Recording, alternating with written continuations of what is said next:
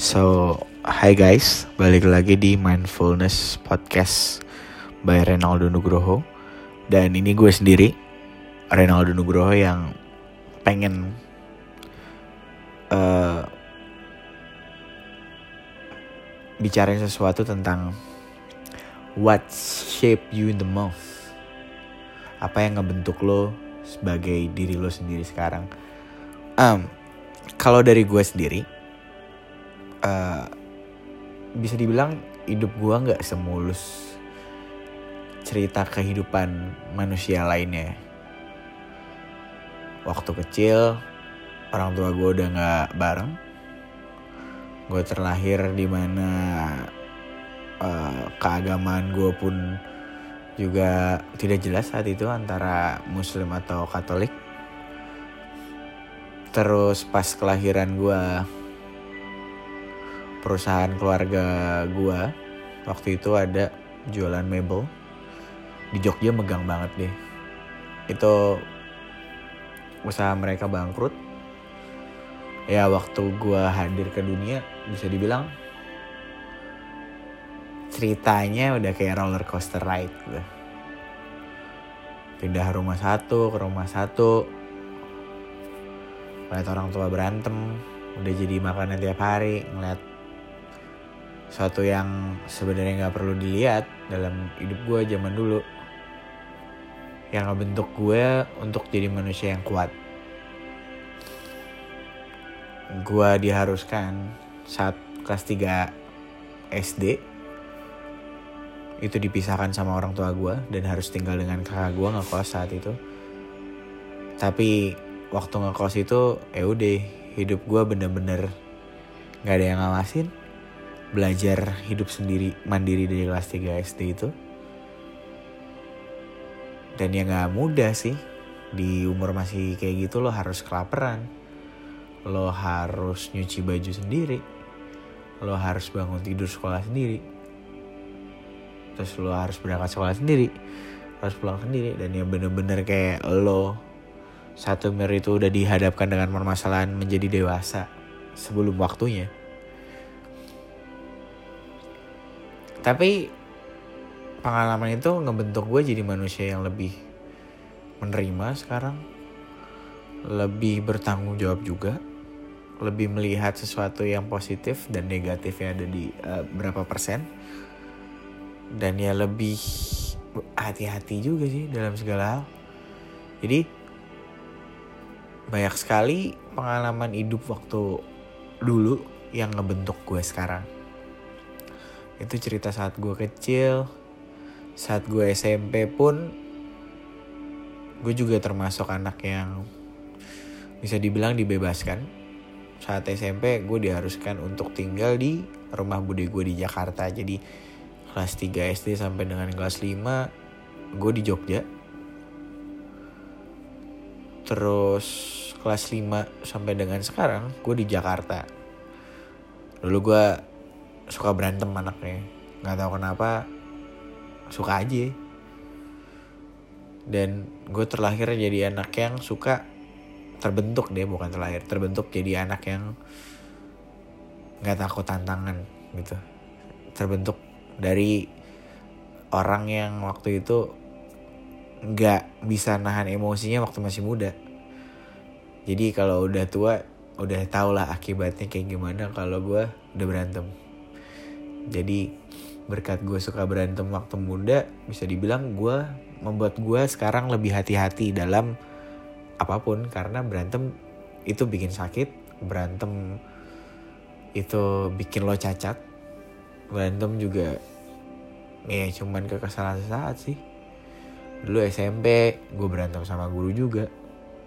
Karena gue anaknya waktu itu naif terus cerewet.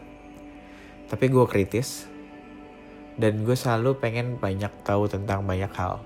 Tapi kapasitas gurunya kayaknya sistem pengajarannya terlalu ngikutin prosedur tetap. Jadi mereka nggak bisa luas untuk uh, bertukar pendapat sama gue yang saat itu dihadapkan dengan kekritisan gue dan keinginan tahuan gue yang tinggi zaman SMP berantem terus sama guru disetrap terus dan segala macem yang menurut gue peraturannya nggak pernah make sense di sekolah gue gue gak ngerti kenapa punya kebijakan seperti itu. Itu sekolah atau penjara gue gak ngerti deh. Terus SMP sudah selesai gue pindah ke budi gue yang satu lagi. Di situ uh, vibe-nya lebih ke kekeluargaan lagi jadi kalau misalkan budi gue yang SMP kekeluargaan tapi jarang ada namanya makan malam bersama keluarga. Nah kalau ini budi gue ini, ini ada kebudayaan seperti itu tuh yang bikin kita saling kenal. Terus makan siang bareng juga kita selalu ngobrol tentang kehidupan yang mana ya good environment buat ukuran gue saat itu.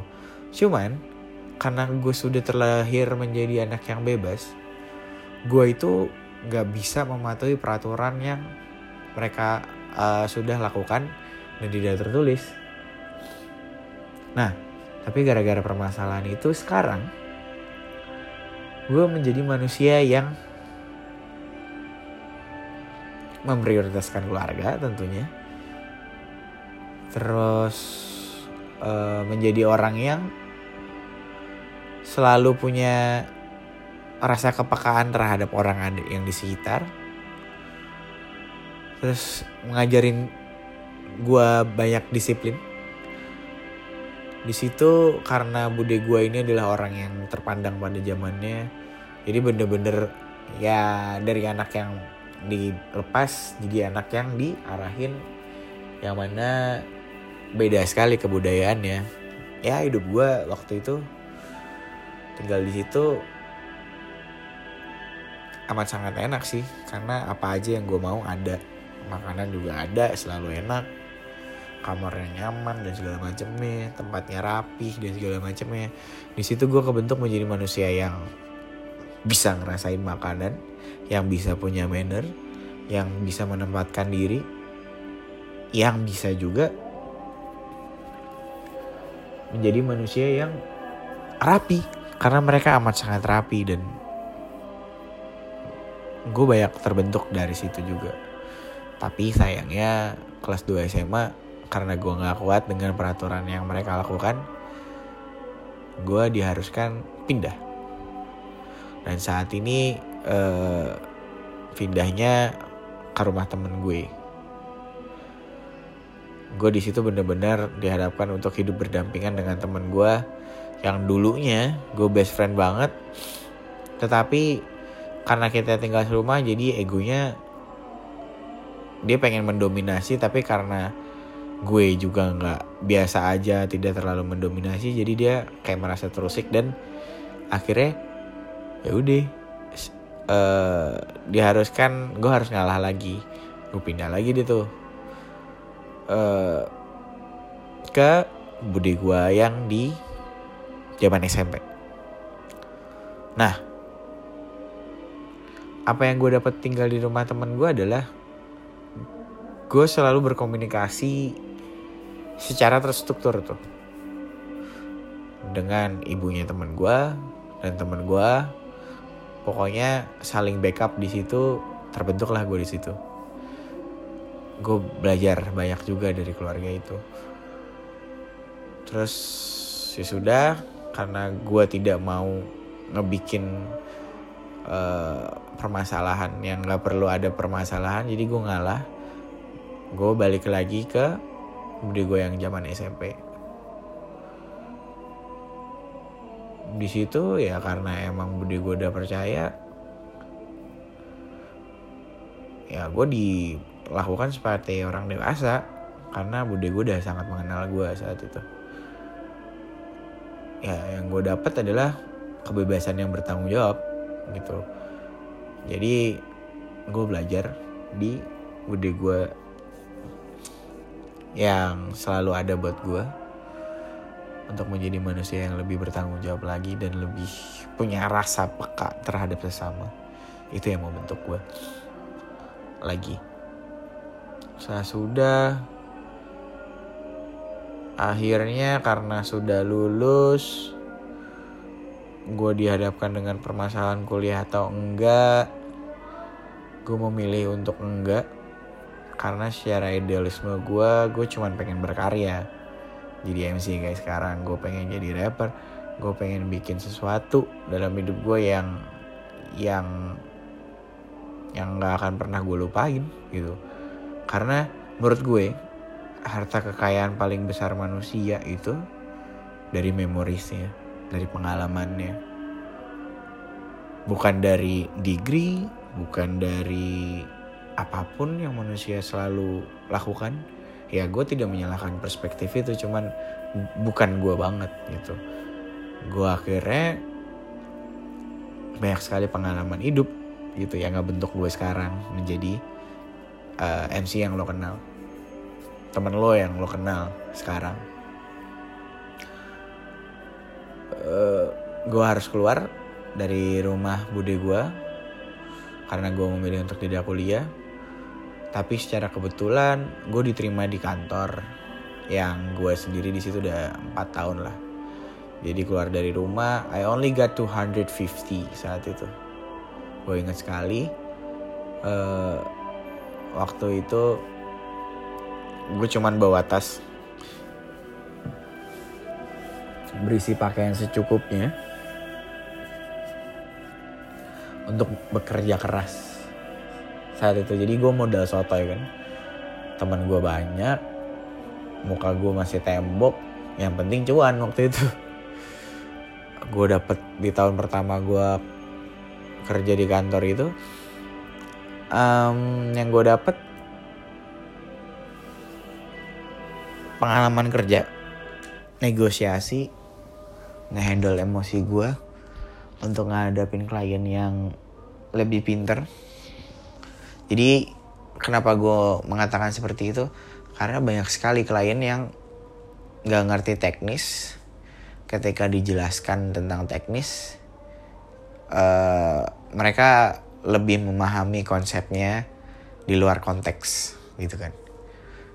Itu gue belajar di situ. Belajar gue punya duit banyak juga dari situ.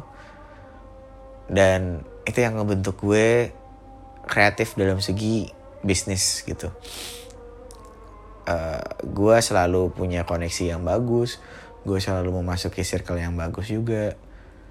Ya gue dapat banyak hal lah walaupun rata-rata klien gue masih SMA tapi anak-anak SMA tuh entah kenapa semakin ke sini semakin kreatif mereka punya ide untuk bikin sesuatu. Jadi kantor gue ini adalah kantor yearbook. Jadi mereka punya project yearbook you know. Uh, mereka punya referensi yang definisi kayak ya udah beda aja dari zaman gue gitu kan seleranya. Dan ya lebih bagus dan itu yang bikin gue kayak wow ternyata anak Indonesia senyampe itu untuk dari segi uh, branding nah dari situ gue belajar bahwa unlearn to relearn things itu bisa dari mana aja? Dari kantor itu. Terus sekarang uh, itu yang ngebentuk gue semua cerita itu. Nah kenapa sih gue memilih karir sebagai MC waktu itu? Jadi ceritanya waktu kelas 2 SMA uh, gue punya sahabat namanya Nugi. Itu selalu di satu kelas sama gue gue dulu gemar sekali suka banget sama game Grand Theft Auto San Andreas ya. You know like Carl Johnsonnya kan ngomongnya kayak faux and niggas niggas uh, accent gitu kan. Jadi gue selalu ngomong kayak gitu dan uh, there's a chance untuk jadi MC di Foundry level 2 waktu itu. So bermodal nekat aja gue soto jadi MC kan. Gue coba ternyata seru juga. Gue perhatiin gue peran-peran nyeburin ini untuk menjadi hobi awalnya. Uh, seru juga having fun with the music and stuff. All I got to do is just having fun waktu itu terus sudah sering eh pokoknya waktu itu ada jadwal dua bulan sekali lah gue main untuk sebagai MC semakin ke sini gue ketemu Aquino waktu itu di Popin Class nah semenjak sama Popin Class itu gue rajin main tuh setiap bulan kayak bisa penuh lah untuk perform sebagai MC semakin naik gara-gara popin class terus circle gue juga banyak makin banyak makin lebar dapat acara selalu bagus. Dan gue itu tipikal orang yang karena emang udah terbentuknya dari semuanya yang gue ceritain di awal itu gue mengaplikasikan bahwa kalau gue tuh harus punya branding yang bagus yang di mana gue harus memilih tempat-tempat untuk gue nge-MC jadi apa pun tawarannya seberapa pun harganya kalau misalkan gue nggak suka venue nya gue nggak akan ngambil gitu. Karena menurut gue nggak akan ngaruh apa-apa buat karir gue jadi ya lebih baik gue nggak makan sekarang tapi gue makan nanti. Jadi gue selalu punya uh, sesuatu yang membentuk gue menjadi MC yang lo kenal sekarang. Makanya kalau misalkan lu perhatiin gue selalu MC di tempat-tempat yang uh, lagi dibicarakan. Gitu. Jadi ya gue bersyukur aja punya lingkungan yang bagus punya circle yang bagus. Yang gue tanam dulu yang gue tuai sekarang. Jadi ya gue seneng pengalaman hidup gue itu ternyata ngebentuk gue jadi manusia yang kayak gini yang mindful yang ya lebih peka aja sih terhadap semuanya. Dulu ya waktu SMA gue bagajulan ya karena memang umur ya. Kenapa nggak begajulan waktu lo masih muda gitu kan? Menurut gue kayak gitu sih. Dulu waktu SMA gue termasuk pinter gue selalu ranking satu. Dan hal yang paling tai adalah waktu kan gue selalu ranking satu tuh kelas 1 dan 2 nah yang kelas 3 ini gue ngeliat teman-teman SMA gue kok pada semangat gitu ya rajin les dan segala macamnya tambahan. Kan kasihan ya orang tuanya udah bayar mahal-mahal terus anaknya nggak ranking-ranking. Jadi ya modal gue sotoy waktu itu. Ya gue nggak niat belajar aja biar mereka ranking satu. Jadi ya udah se, se apa ya gue anaknya se pegajulan itu.